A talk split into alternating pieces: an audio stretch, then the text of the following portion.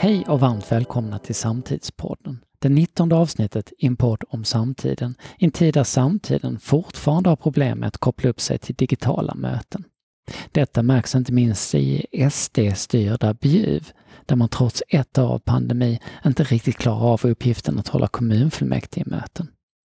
SVT.se rapporterar att man ställde in februarimötet och man ställde in marsmötet. Och nu i april, ja då träffades man på den iskalla parkeringen utanför kommunhuset.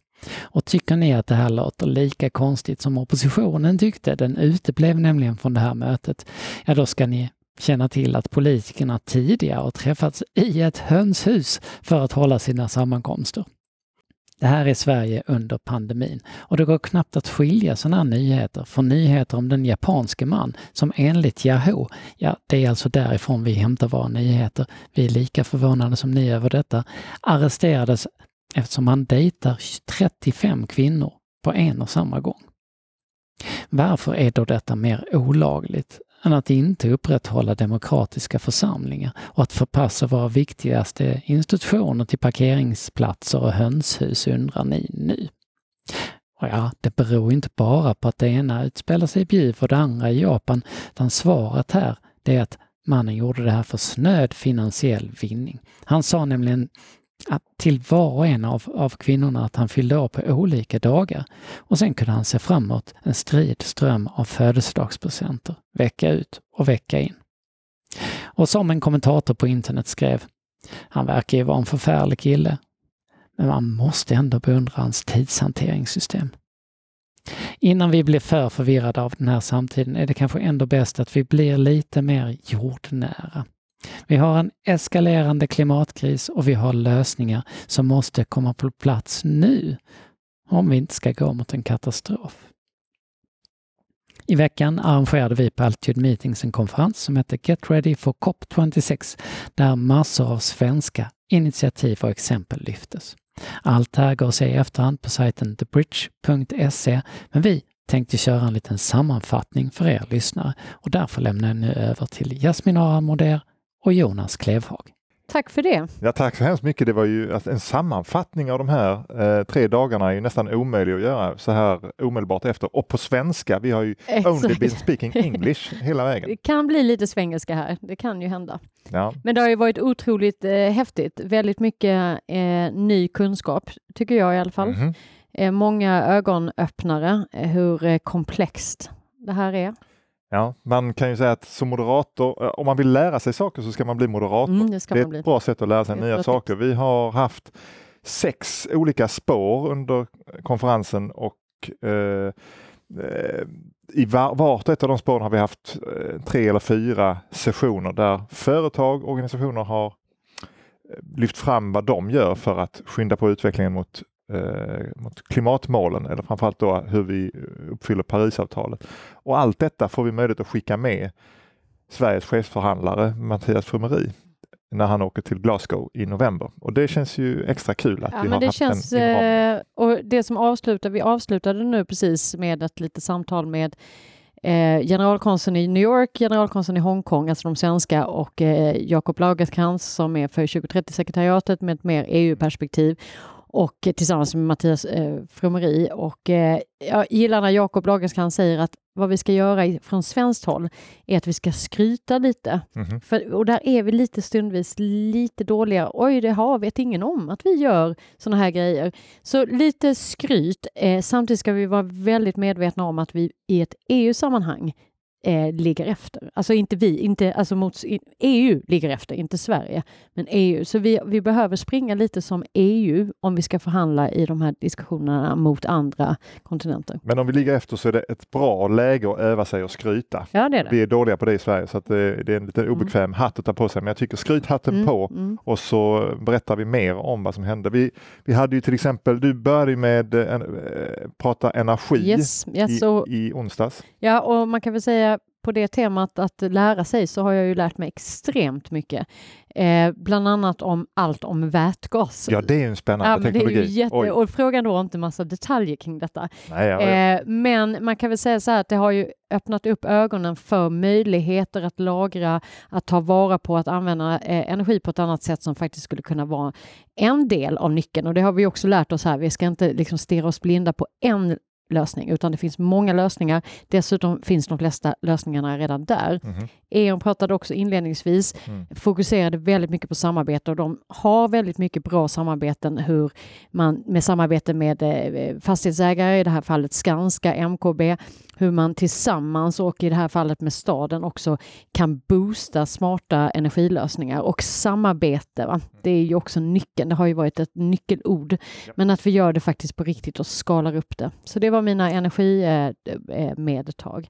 Då pratade du eh, parallellt om eh, food. Food heter det, ja. Eh. Just det. Ja, det var ju spännande. Mat är ju ett område som har stor inverkan på klimatet, men också faktiskt på människors hälsa. Ju, så att det finns flera anledningar och dessutom är det kanske ett av de spåren som kommer oss väldigt nära som konsumenter eller medborgare. Alltså, det står ju på frukostbordet varje morgon, mat.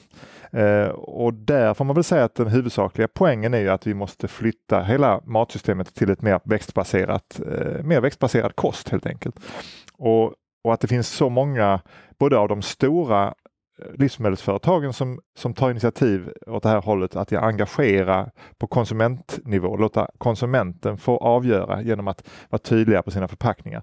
Och hela vägen till odlaren som berättade att genom att bli mer växtbaserad i sin verksamhet, gå från en, en, en djurhållning till en mer växtbaserad eh, verksamhet, så hade, gick han från att försörja eller mätta, eh, föda 60 personer på årsbasis eller ja, på, till 200. Mm och Stor. halverade sitt eh, klimatavtryck. Så att det, det, betyder någonting att, att välja att gå eh, mot mer växtbaserat. Så det tar jag med mig. Mm. Eh, konsumentperspektivet och, eh, och, och, och makten hos konsumenten och det växtbaserade. Då eh, gick vi till eftermiddagen där du pratade textil och material. Mm. Och där är väl också en, eh, ett område som eh, vi alla vet ger ett extremt stort avtryck. Vi använder och köper alldeles för mycket material och använder alldeles för mycket Eh, textilier, eh, modeindustrin är ju en sån, om vi bara ska ta ut en, en liten del av hela material delen är ju en, en, bransch där vi faktiskt tyvärr ökar produktionen och där återigen, det är ju produktionen som är boven. Eh, men det är klart att ju mer vi handlar, ju mer kommer det produceras och det här handlar det väldigt mycket om hur vi kan eh, sluta eh, konsumera så att vi kanske kan börja hyra eller lisa eller prenumerera på olika eh, allt från liksom, kontorsmöbler till eh, till eh, eh, lakan om man nu vill göra det till, eh, till bilar. Eh, precis bilar. Bilpoolen är väl det som vi kanske känner igen mest. Men behovet, det är ju framför allt in, alltså vi måste sluta konsumera så mycket. När vi väl konsumerar att det är ett bättre material, att vi måste se till att materialet är mer hållbart även när vi gör om det till nya produkter och då måste vi också gå på eh, kemikalielagar, att faktiskt enas globalt, att ta bort eh, kemikalier i. Och det är ju någonting som också, på tal om hälsa, det är inte bara det att vi inte kan återbruka det där materialet, utan på vägen så förstör vi massa vattendrag och utsläpp och allt vad det är. Så det påverkar hälsan också. Så, och jag tror, det, någon sa så här, textilier är eh, en, ett område där vi inte riktigt, man tänker inte att det är så himla stort avtryck, för det är liksom, det är lite för nära. Alla vill ju ha kläder. Va? Men det måste vi tänka på. Men jag vill bara sända med en så jäkla bra mening som eh, en av våra deltagare från eh, M Volvo Cars tog med. Eh, han sa, eh, Steiner Danielsen, eh, att eh, eh convenience eats sustainability for breakfast convenience, convenience. Vi måste göra det lätt för konsumenterna. Just det. Ja, annars blir det inget. På byggsidan så kan man säga så här att vi kommer att bygga, för jag hade ett, par, ett parallellt spår där när du körde textil så körde jag eh, bygg och där eh, Visste du att de närmaste årtiondena kommer vi att bygga, bebygga världen mer än mänskligheten gjort i hela historien. Men det är inte möjligt. Jo, det är, möjligt. är det möjligt? Det är möjligt, eller det är inte möjligt att göra det och behålla och klara klimatmålen om vi bygger på samma sätt som vi gör idag. Så det betyder att alla byggbolag, vi hade Skanska, vi hade Stena Fastigheter, vi hade eh, Södra och vi hade ja, flera stycken eh, som Otto Magnusson som var med och pratade om hur de gör. Dels för att minska klimatavtrycket när man bygger huset och sen minska klimatavtrycket när man driftar huset. För båda de två grejerna är, eh, är naturligtvis en klimatbelastning. Och, och det var spännande då hur man kunde se hur man kunde kombinera stål, hållbart stål, hållbart trä, hållbar betong för att minska avtrycket när man bygger. Och, och det är ändå så att man får ett klimatavtryck men då kan man faktiskt i många fall när man driftar huset betala tillbaka det genom att göra huset klimatpositivt. Så på det viset kan husen faktiskt bli både neutrala och klimatpositiva över mm. sin livslängd. Mm. Det var eh, så många stora bolag som tar sitt ansvar och kul att se det faktiskt. Mm. Jaha, idag, vi... Eh, torsdag, eh, som vi spelar in detta, har vi haft tittat på transport. Mm. Eh, och transport, den känns väl en sån här eh, som alla fattar. Eh, men flyg eh, har vi väl pratat om eh, i, i till dess leda. Eh, men det finns så många mer delar i transportdelen som vi måste titta på. Eh, och allt från hur vi kan elektrifiera vägar till hur vi kan tänka mer på att utifrån beteendet hos människorna anpassa transportsystemen och eh, ja, men möta upp egentligen behoven och så det inte går massa eh, transporter tomma eller att vi inte fyller behoven låter ju som att varför, det borde vi väl tänkt på för länge sedan. Eh, till att vi eh, ja, men generellt överhuvudtaget tittar på den här sektorn eh, och hittar många olika lösningar. Där, där var Jakob Lagercrantz igen, måste liksom ta upp det igen, att där är inte en lösning utan faktiskt ha med sig att det finns många olika typer av lösningar. Eh, det finns dåligt och bra och försöka då av de här hålla sig till de bra lösningarna oavsett om det är vätgas eller inte. Eh, det finns dålig och bra vätgas, så mycket har jag lärt mig. Ja, många många olika lösningar mm. mm. för att klara transportutmaningarna. Ja. Alltså. Och du hade avfall? Prat, vi pratade avfall i Andra spåret idag och det är ju eh, det är ett roligt ämne. Mm. Alltså att göra, eh, det låter ju trist för det är bara det vi slänger, men saken är att om vi ska klara klimatmålen måste vi bli bättre på att göra avfall till resurs och när vi gör det så blir det inte mycket avfall kvar. Eh, den här övergripande föreningen eh, Avfall Sverige Eh, i, i, Sverige som når eller representerar som man säger 99,9 procent av Sveriges befolkning.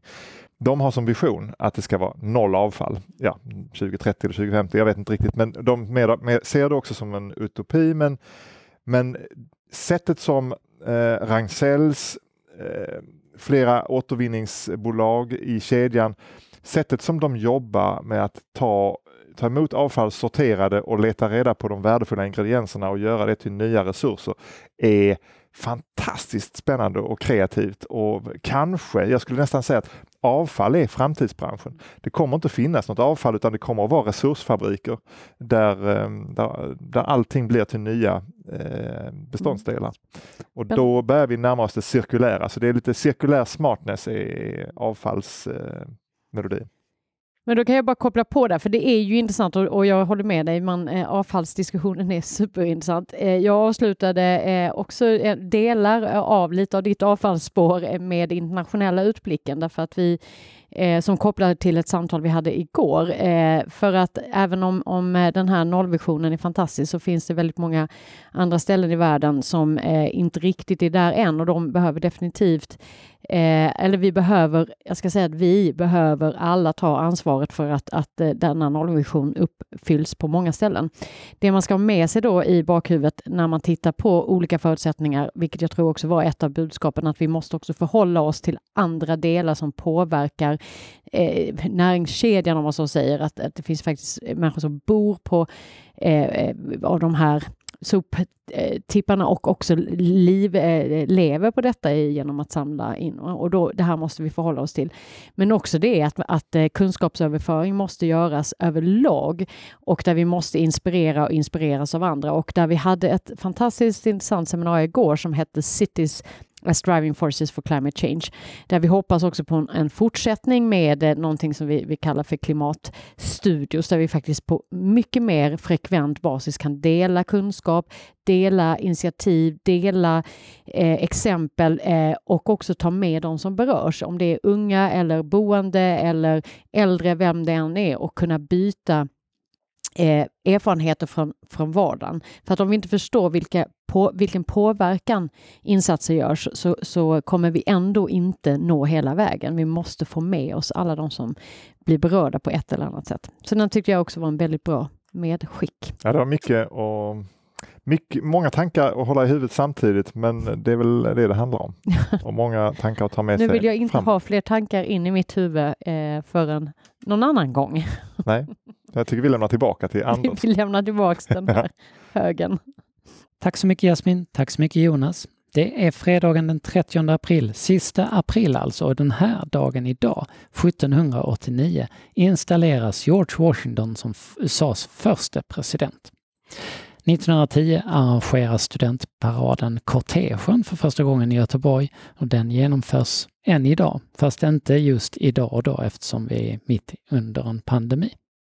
1945 den här dagen så begår Adolf Hitler och Eva Braun, som har gift sig och då heter Eva Hitler, självmord i den bunker under Rikskansliet där de har hållit sig gömda den senaste tiden.